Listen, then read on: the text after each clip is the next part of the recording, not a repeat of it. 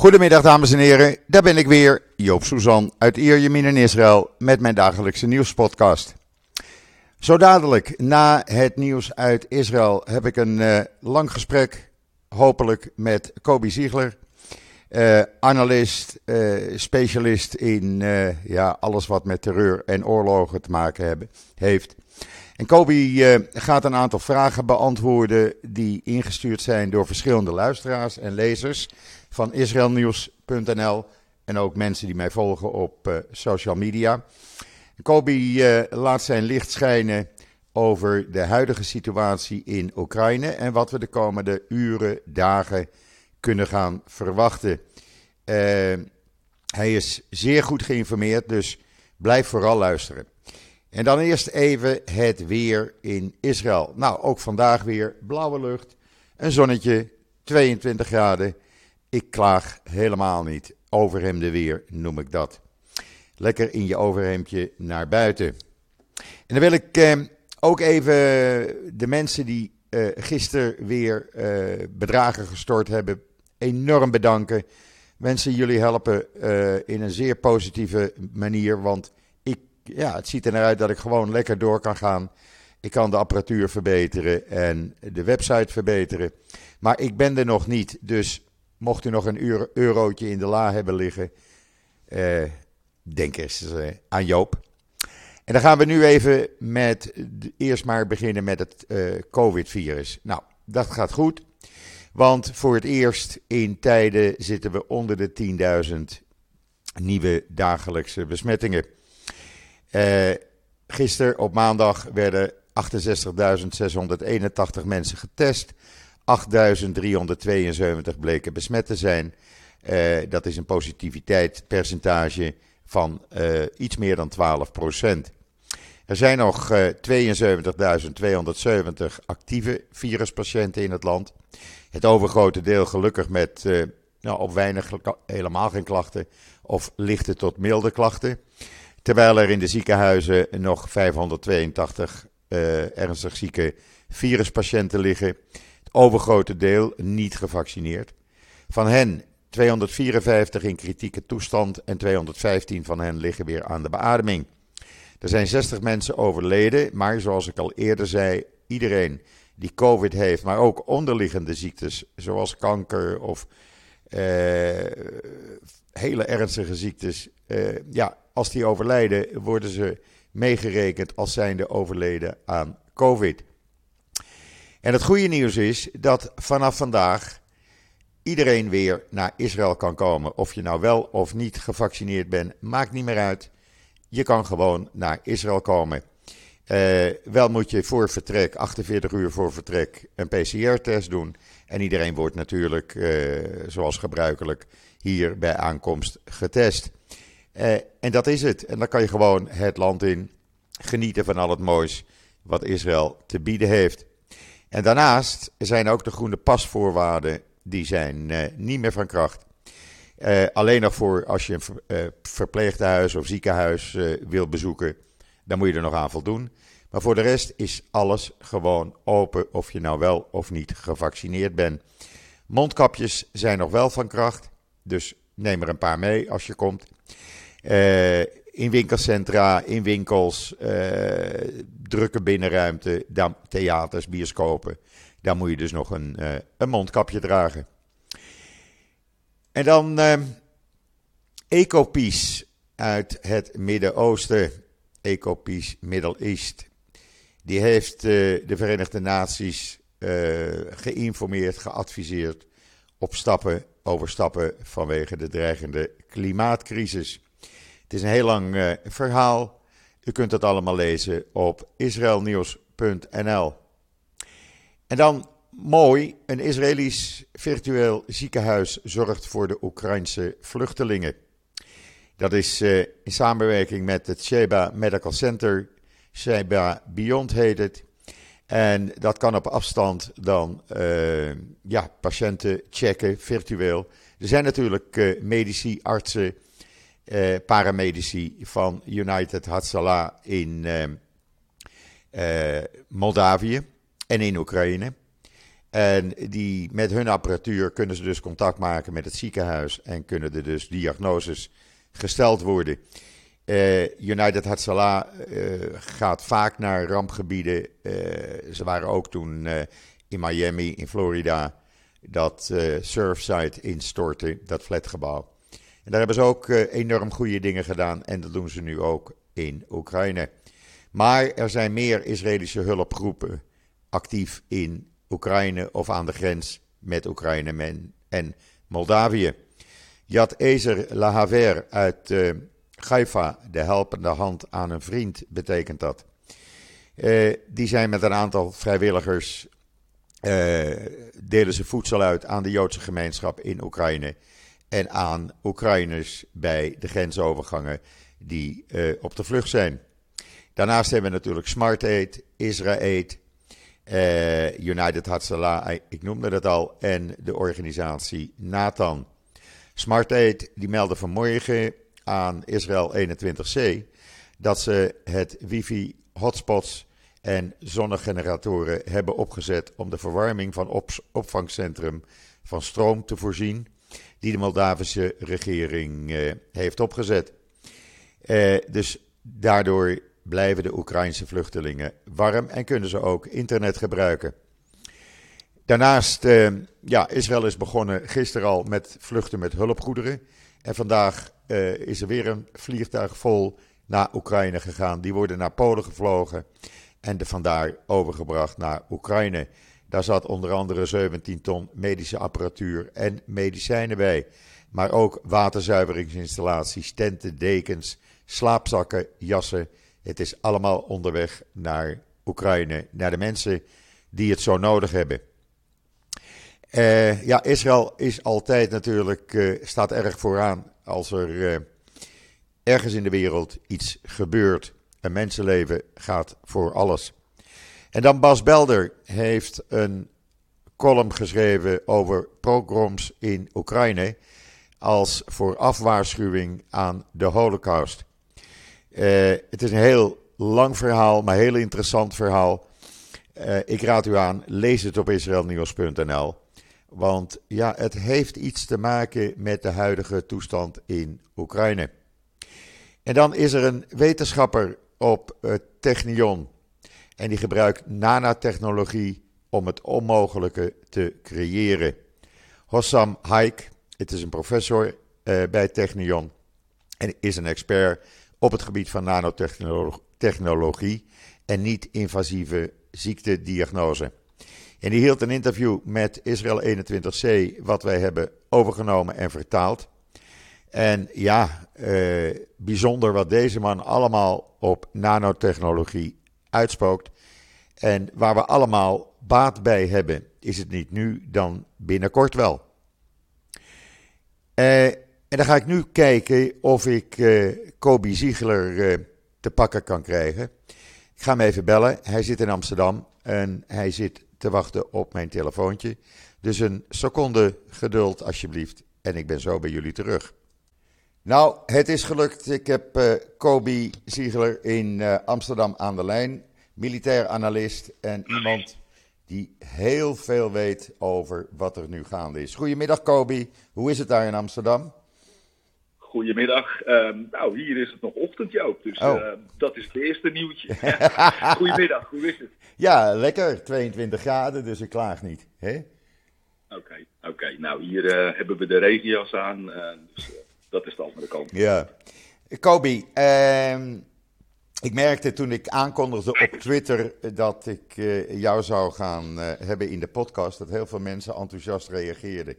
Ehm, dus kan jij een beetje uitleggen wat er eigenlijk gaande is in Oekraïne? Uh, ja, dat kan ik. Um, het lijkt me verstandig uh, om eerst even een winstwaarschuwing te geven op je podcast van gisteren. Want daarin zei je, Poetin gaat, of dat ik dacht dat Poetin het niet gaat winnen. Ja. Um, nou ja, voorlopig niet, laten we het zo zeggen. Oké. Ehm, ehm, en daarnaast wil ik ook nog meegeven ehm, dat ik een klein beetje weg wil blijven bij de politiek. Ja. Uh, omdat er heel veel uh, verschillende uh, visies zijn. Um, um, waar het om gaat is dat er een soeverein land binnengevallen wordt door een vreemde mogendheid. Um, en daar draait het conflict over. En hoe dat politiek tot stand gekomen is, ja, daar, daar kan je over van mening verschillen. dus daar wil ik eigenlijk een klein beetje bij wegblijven. bij in ieder geval het politieke ge ja. gedeelte daarvan. Ja. Uh, nou, een kleine update uh, wat er vannacht gebeurd is. Ja. Uh, de situatie is heel erg vloeibaar. Het, het verandert echt met het, met het uur. Dus wat ik nu zeg, dat kan tegen die tijd dat die podcast online staat, kan het alweer veranderd zijn. wat we gezien hebben, is dat er bij Gerson, dat is de zuidkust van de Oekraïne, boven de Krim, dat daar hevig gevochten wordt. Uh, daar zijn ook meldingen dat er MLRS-systemen gebruikt worden, multi-launch rocket systems, um, met, met um, clustermunitie. ook in het noorden, in Kharkiv, daar wordt hevig gevochten. Uh, de steden zijn vooralsnog niet gevallen, omdat er, uh, omdat er een redelijk verzet is. Um, in het uh, noorden, en dat is, heb ik het over het noorden van, van de Oekraïne boven Kiev. Ehm, in de um, Chernobyl-regio, laten we het zo zeggen. Ja. daar wordt gevochten. En het westen is op zich redelijk stil. Um, wat we wel zien is een gigantisch konvooi uh, aan de westkant van, uh, van Kiev. Ja, dat las ik. 64 kilometer hè? lang. Ja, ja, ja het, uh, het lijkt langer te worden. De eerste meldingen waren 20 kilometer. Gisteren was het 40 kilometer. En vanmorgen las ik inderdaad ook al 64 kilometer. Aan militaire uh, voertuigen, hè? alleen maar militaire ja, voertuigen, het is niet te geloven. Het is echt uh, ja, het is, uh, ja, een divisie onderhand wat het is. Ehm, ja, het is gigantisch wat daar, ehm, wat daar opgesteld staat. Ehm, ik, ik wijd af en toe een klein beetje uit naar vragen die ik zag op, jou, op jouw Twitter. Ja, en waar goed. ik in, in CC stond. Ja. Wat doet dat? Um, wat doet die kolonne daar? Um, vanuit Wit-Rusland worden die troepen. Het is eigenlijk de enige veilige route vanuit Wit-Rusland. Of uh, Belarus, zoals uh, dat tegenwoordig heet. Ik blijf bij Wit-Rusland, want dat is het. Um, dat is eigenlijk de enige veilige route voor de Russen om het land in te komen. Uh, onbeschoten, uh, zonder uh, vijandelijkheden. En ze hebben daar een verzamelgebied gemaakt. En dat is die, die kolonne van 60 kilometer. En um, als je ziet wat de verplaatsing is van de troepen ten westen van Kiev. ze vermijden grote steden. wat ze dus gaan doen. Um, een, een rondtrekkende beweging ten zuiden of ten westen en zuiden van Kiev, om zodoende de stad Kiev in te sluiten. Die willen ze dus uh, helemaal omsingelen. Ja, ja, ja. Uh, ten, noorden, ten noorden is dat, uh, is dat al gelukt vanuit, vanuit Rusland en vanuit de Chernobyl-regio.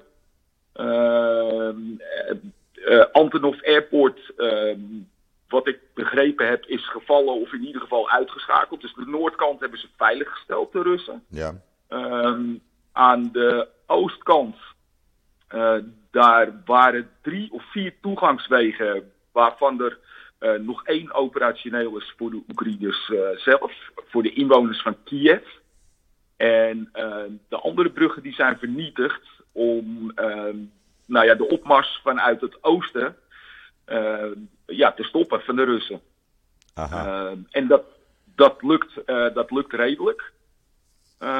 ja, dat is een beetje de situatie van, nou ja, van afgelopen nacht en een klein beetje van deze morgen. Ja. het is heel vloeibaar. ja, we, we gaan een, een, andere fase van de oorlog in, in ieder geval. anders dan de voorgaande vier dagen.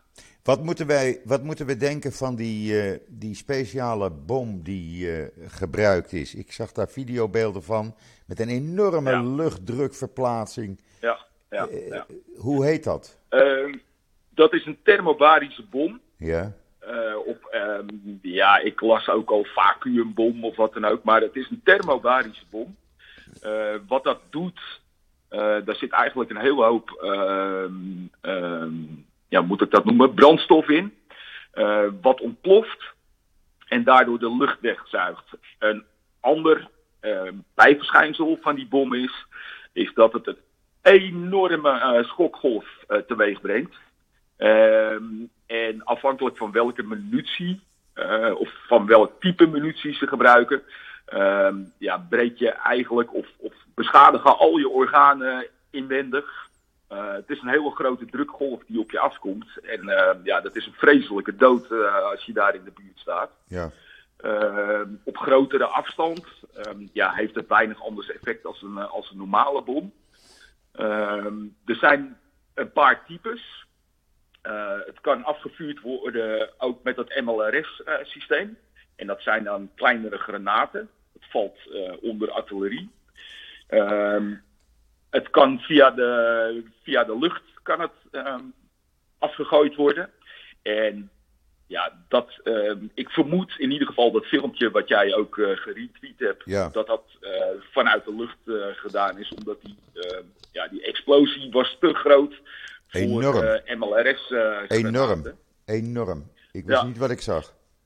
Nee, en dat, dat is al op een behoorlijke afstand is dat gefilmd.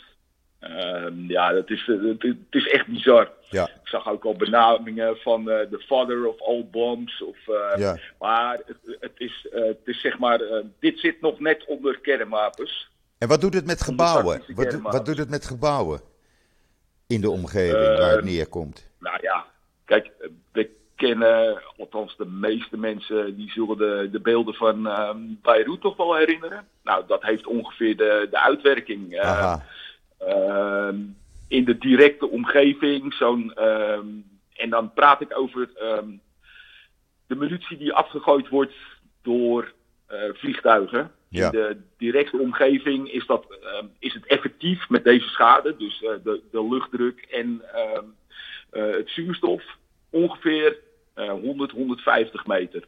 Zo. Uh, daarbinnen um, nou, is eigenlijk al het leven wordt vernietigd. Daar komt het op neer.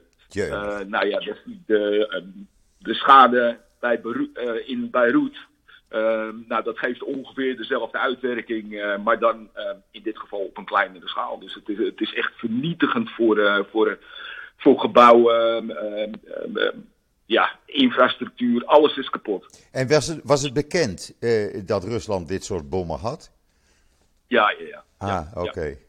Okay. Nou schreef jij, uh, zag ik een bericht, dat uh, Oekraïne heeft 70 vliegtuigen gekregen. Ja. Hoe zit dat? daar is ook alweer een update over.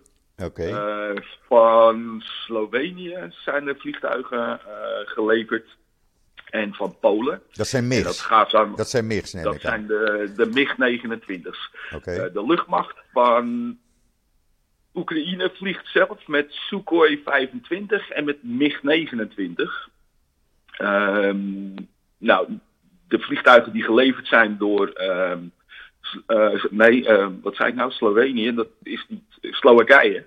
Slowakije en Polen, die hebben geleverd. Uh, Roemenië zou ook leveren. Maar daar is een dispuut binnen de regering. En dan vanwege de benamingen van het conflict. Ze willen niet dat het een, een oorlog genoemd wordt, maar conflict. En daar hangt het een beetje om. ja, het, het, gaat om de komma's en de punten. Ja. maar wat ik begrepen heb, is het het materiaal wat uit Roemenië vandaan zou komen, is ook het type vliegtuig uh, waar geen, binnen de Oekraïne geen uh, piloten voor te vinden zijn. Uh, in ieder geval niet die daar ervaring op hebben, omdat die vliegtuigen van een dusdanig oud type zijn. ja, dat daar gewoon de piloten die daar eventueel ervaring op zouden kunnen hebben, die zijn inmiddels al gepensioneerd. Ja, ja. Ehm, dus dat, ehm, ja, het is ook niet zo'n ehm, een gemis als dat niet geleverd wordt. nee. Maar... Dus voorlopig Slowakije en Polen, ja, die, die leveren. Wat de geruchten wel zijn, is dat oud-Oostbloklanden in ieder geval kijken wat ze nog op voorraad of in opslag hebben aan vliegtuigen en vliegtuigonderdelen. En dat dat die kant uitgaat. En, en die luchtmacht van Oekraïne, is die erg actief? Want ik zie daar weinig over. Nee, die is sporadisch actief. Uh, en mijn inschatting, maar nogmaals, in dit conflict is helemaal niets logisch. Echt totaal niets. Uh, mijn inschatting is dat ze de luchtmacht uh, ja, sparen uh, om uh, Kiev te verdedigen. Ehm, wat ik lees en hoor, uh, is dat de luchtmacht vrijwel nog intact is. de vliegvelden verlaten hebben en her en der nou, gewoon op, op N-wegen opgesteld staan.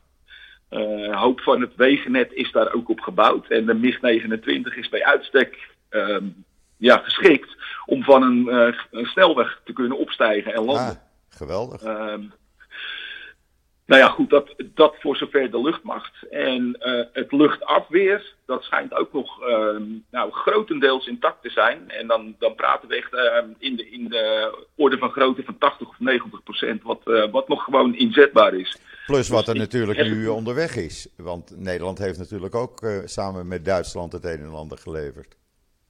Ja, ja ja, dat ging dan uh, om munitie en radarsystemen. Ja, radarsystemen, dat is een heel breed begrip.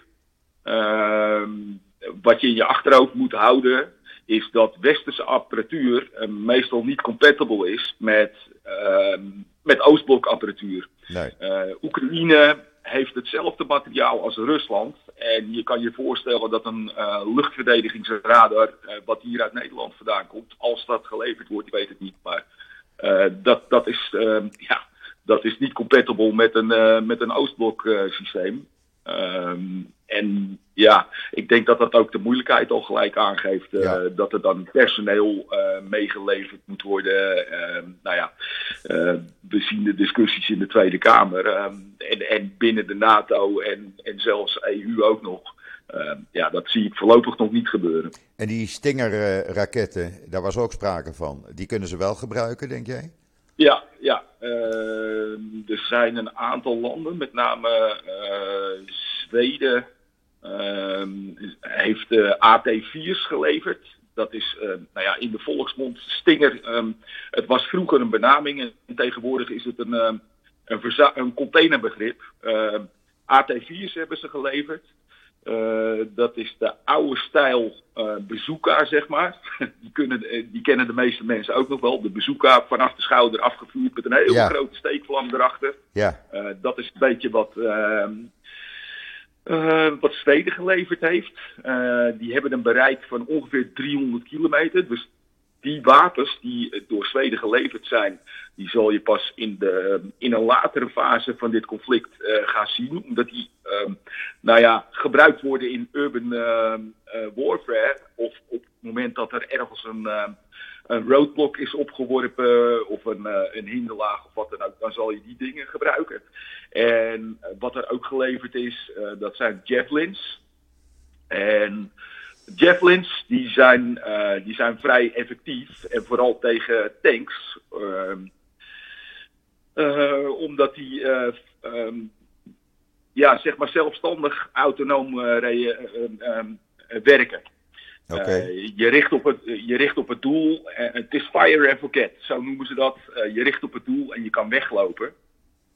wat die raket doet is um, kleine elevatie en die valt van bovenaf het doel aan.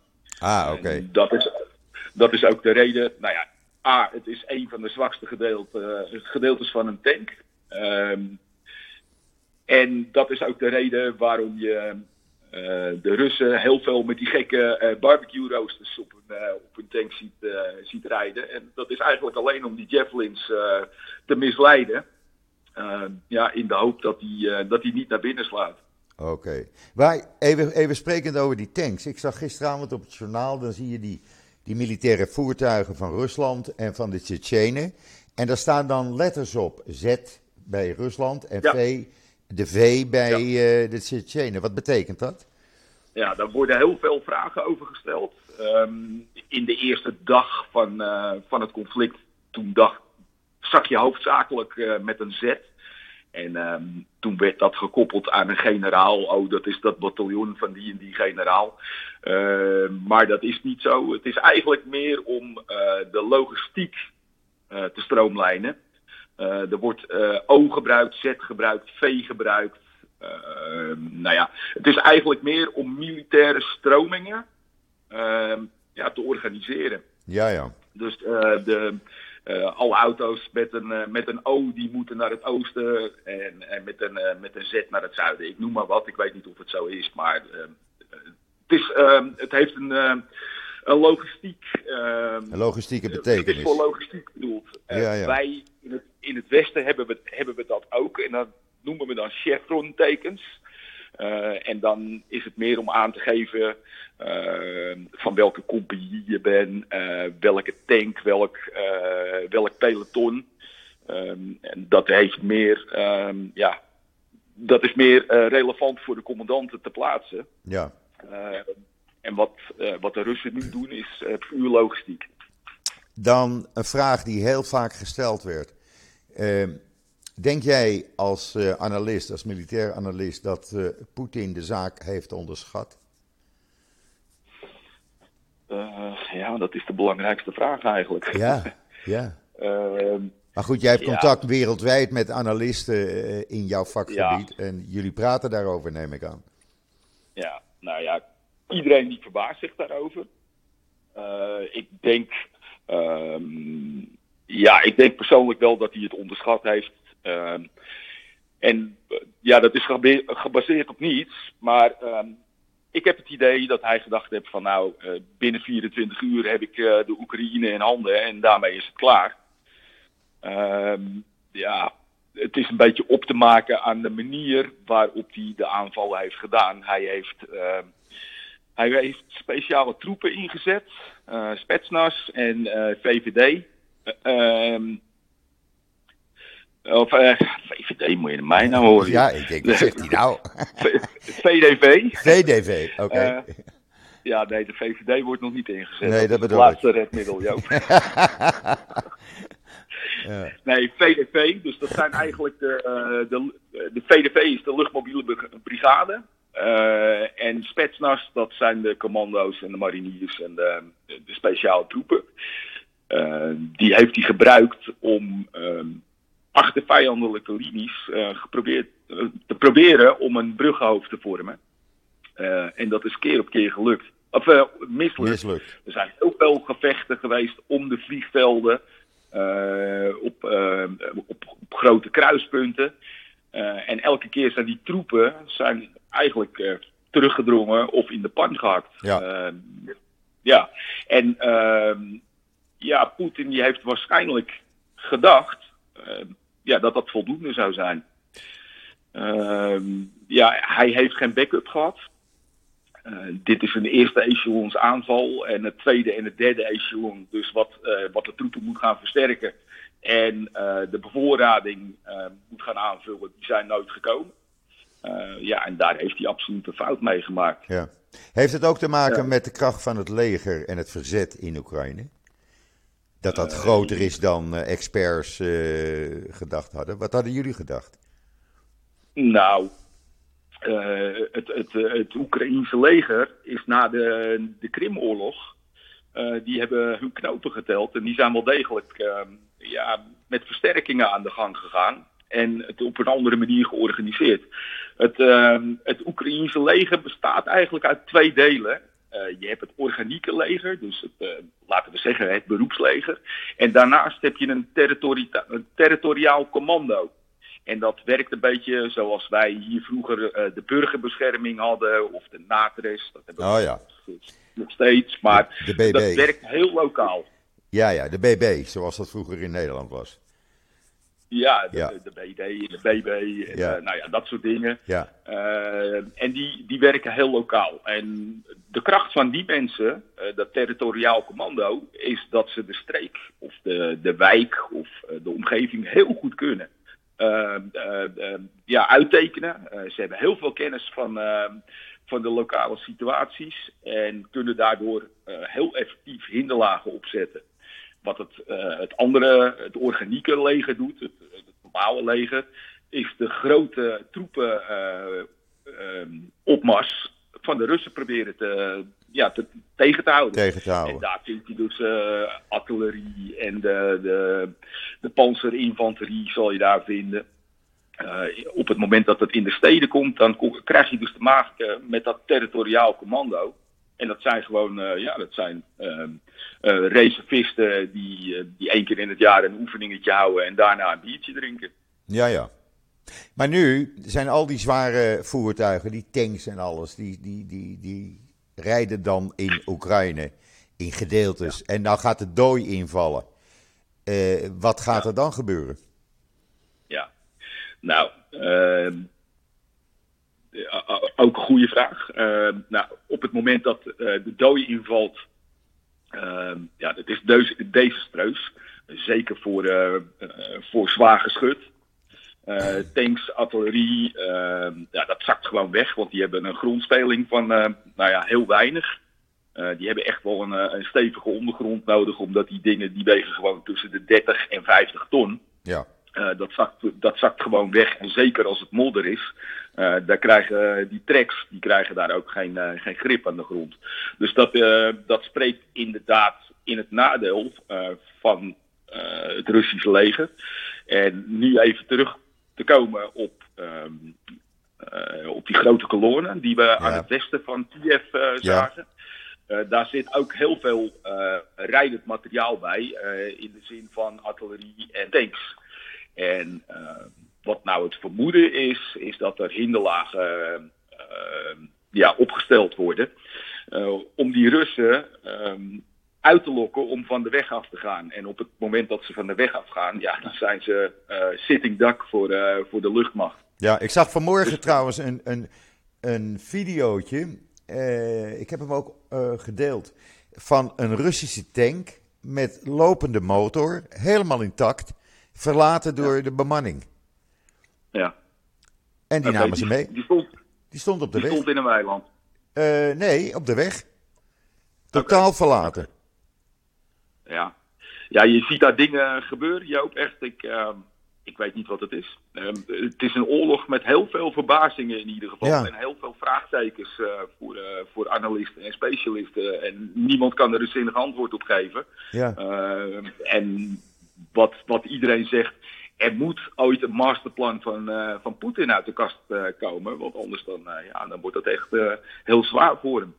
Maar goed, ehm, ja, dat zal de, de komende dagen moeten gaan blijken. Ja, maar wat, wat verwachten jullie van, of wat verwacht jij eigenlijk van de komende dagen? Ik denk dat je daar met je collega's ook over spreekt. Ja, ja, Nou, wat is de je- algemene verwachting?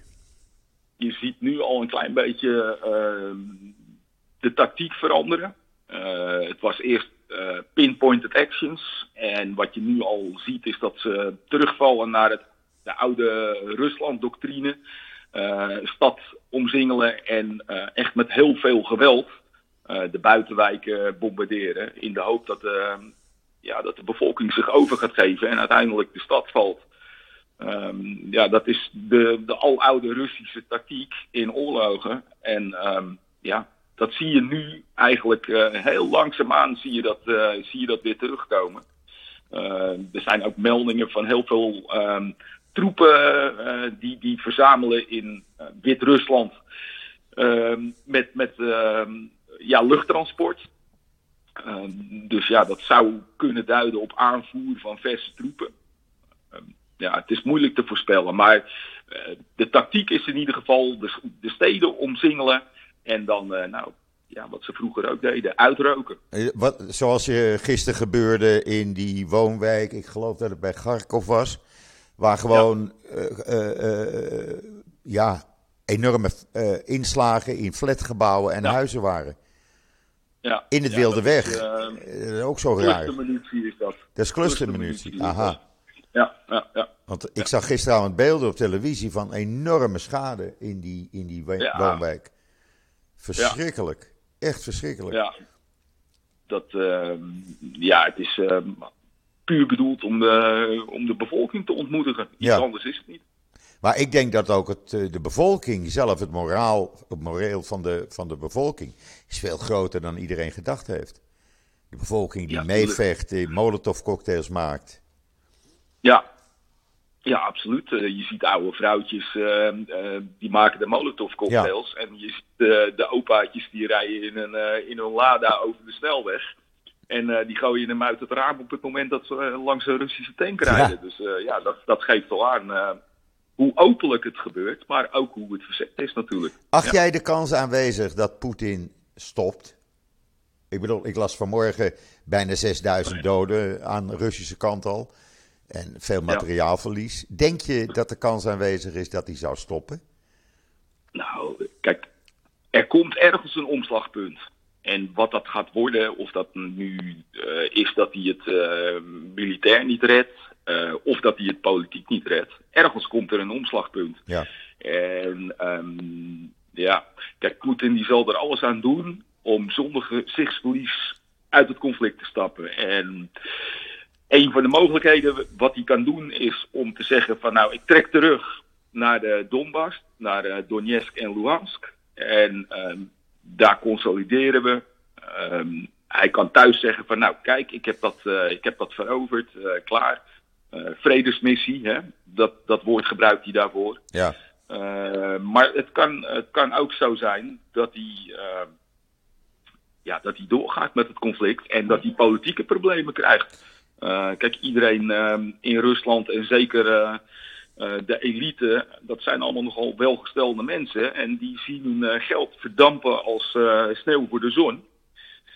uiteindelijk zal die daar ook vraag en commentaar op krijgen. Ja. Toen, wij, toen, wij elkaar gisteren, toen wij elkaar gisteren spraken, vertelde jij mij het verhaal van gevangen genomen Russen die naar huis mogen bellen. Ja, ja. Uh, het is een initiatief. Kijk, eigenlijk is het propaganda, maar het is een initiatief van de Oekraïense regering uh, naar de ouders toe in Rusland. En naar ik meen is, was het ook in het Russisch geschreven. Uh, een oproep van mis je zoon of is je zoon dienstplichtig en zit in de Oekraïne, bel dit en dit nummer en wij geven je de informatie of die uh, onder de gevangenen is of dat die gewond of uh, gesneuveld is. Um, ja, het werkt natuurlijk zwaar demotiverend ja. uh, onder de Russische bevolking. Je ziet daar ook steeds meer protesten op straat komen met ontzettend veel arrestaties. Ja. Um, er is wel weerstand onder de bevolking. Um, ja. Maar ook druk, ook, ook druk natuurlijk vanuit de kant van ze, die oligarchen, die nu uh, niet meer over hun ja, ja. geld kunnen beschikken. Want wat Zwitserland natuurlijk gisteravond gedaan heeft, was een uitmuntende zet. De, door al die bankrekeningen van die miljardairs te blokkeren. Ja. Nou ja, het is een beetje het beleid nu, uh, wat de wereld uh, ja, aan het uitrollen is. En je ziet ook dat het uh, effect krijgt. Uh, ja. Ik zei het gisteren tegen je. Ja. Uh, dat er zelfs een aantal Chinese banken zijn. Chinese banken. Ja, moet je nagaan. die die ehm, financiering en ontwikkeling van, van de olie-industrie niet meer ehm, nou ja, toe, toestaan. En de rekeningen blokkeren. Dus ja, dat is wel een behoorlijke tegenvaller. En ik denk ook niet dat hij daarop gerekend had. Dat het wereldwijd um, ja, deze reactie zou opleveren. Nee, ook wat uh, Mars uh, Containers heeft gedaan nu, hè, die aankondiging vanmorgen. Ja. Door te zeggen van uh, ja. we stoppen met Rusland. Ja. Dat is natuurlijk een enorm probleem dan binnenkort voor hem. Ja, nu heeft Rusland natuurlijk ook een hele grote vloot. Maar de vraag is um, ja, welke sancties Um, van de week was het in Frankrijk volgens mij uh, is er een schip opgebracht, een ja. uh, Russisch schip. Ja. Um, ja, het is net ja, hoe heldhaftig je als land bent om een Russisch schip op te brengen.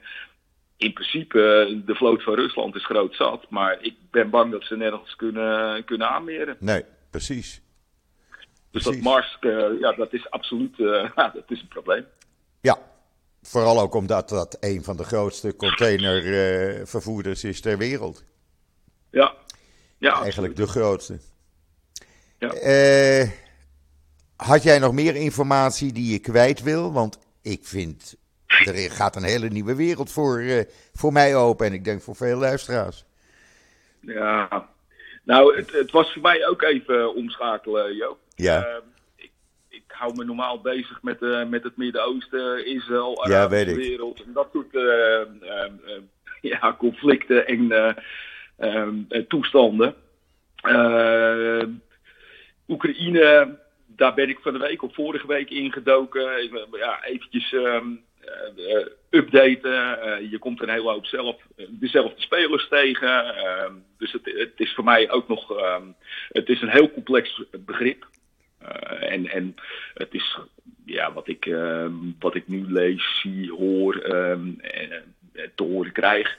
het is totaal anders dan wat we ja, op het journaal zien. Daar wordt het heel zwart-wit bekeken en er wordt een politieke mening aangegeven of een, een, duiding aangegeven. Nou, dat is hier gelukkig niet.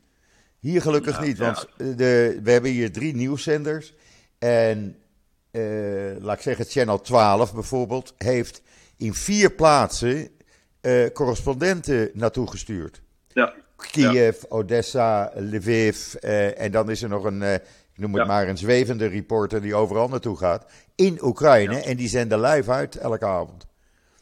Ja, ik geloof dat de NOS uh, ook één of twee mensen daar heeft. Maar het is eigenlijk, ja, is een kopie van wat, wat je op Reuters of welke andere of CNN ziet. Ja. nieuwsoutlet kan lezen. Ja. het, is, het is heel zwart-wit en het is, ehm, ja, nou, er zit, een, er zit een sausje overheen. Um, ja, nogmaals, ik probeer het heel objectief te bekijken. Ik vind het geweldig wat jij uh, ja, ons, ons laat weten nu. Ons leert, ons bijbrengt. Ik denk dat een heleboel luisteraars uh, daarmee geholpen zullen zijn. Ik, uh, ik hoop het je ook. Ja, um, ja en anders, um, ja. Nou ja, mocht de situatie daar aanleiding toe geven, dan uh, vraag ik je over een, uh, over een week of een aantal dagen, hangt af van de situatie, ja. om, om weer een toelichting te geven. Want ja, dit is beter als wat je in de kranten leest. Nou ja, goed. het, het, is heel complex, ja. ja. En nou, fantastisch. is het voor mij onduidelijk. En er zijn een hele hoop vraagtekens. de logica ontbreekt op sommige punten. Ja. Um, nou, het, het, het is heel raar. En ja, hoe gaat dit aflopen? Ik zou, ik zou het werkelijk niet weten. Nee. Uh, logischerwijs zou je zeggen dat Poetin dit zou moeten redden. Uh, nou ja, met als uh, uh, kanttekening. Hoe gevoelig is die voor de sancties? Um, en, en welke verliezen wil die uh, gaan leiden? Daar draait alles om. We gaan het de komende dagen meemaken. Ja, ja.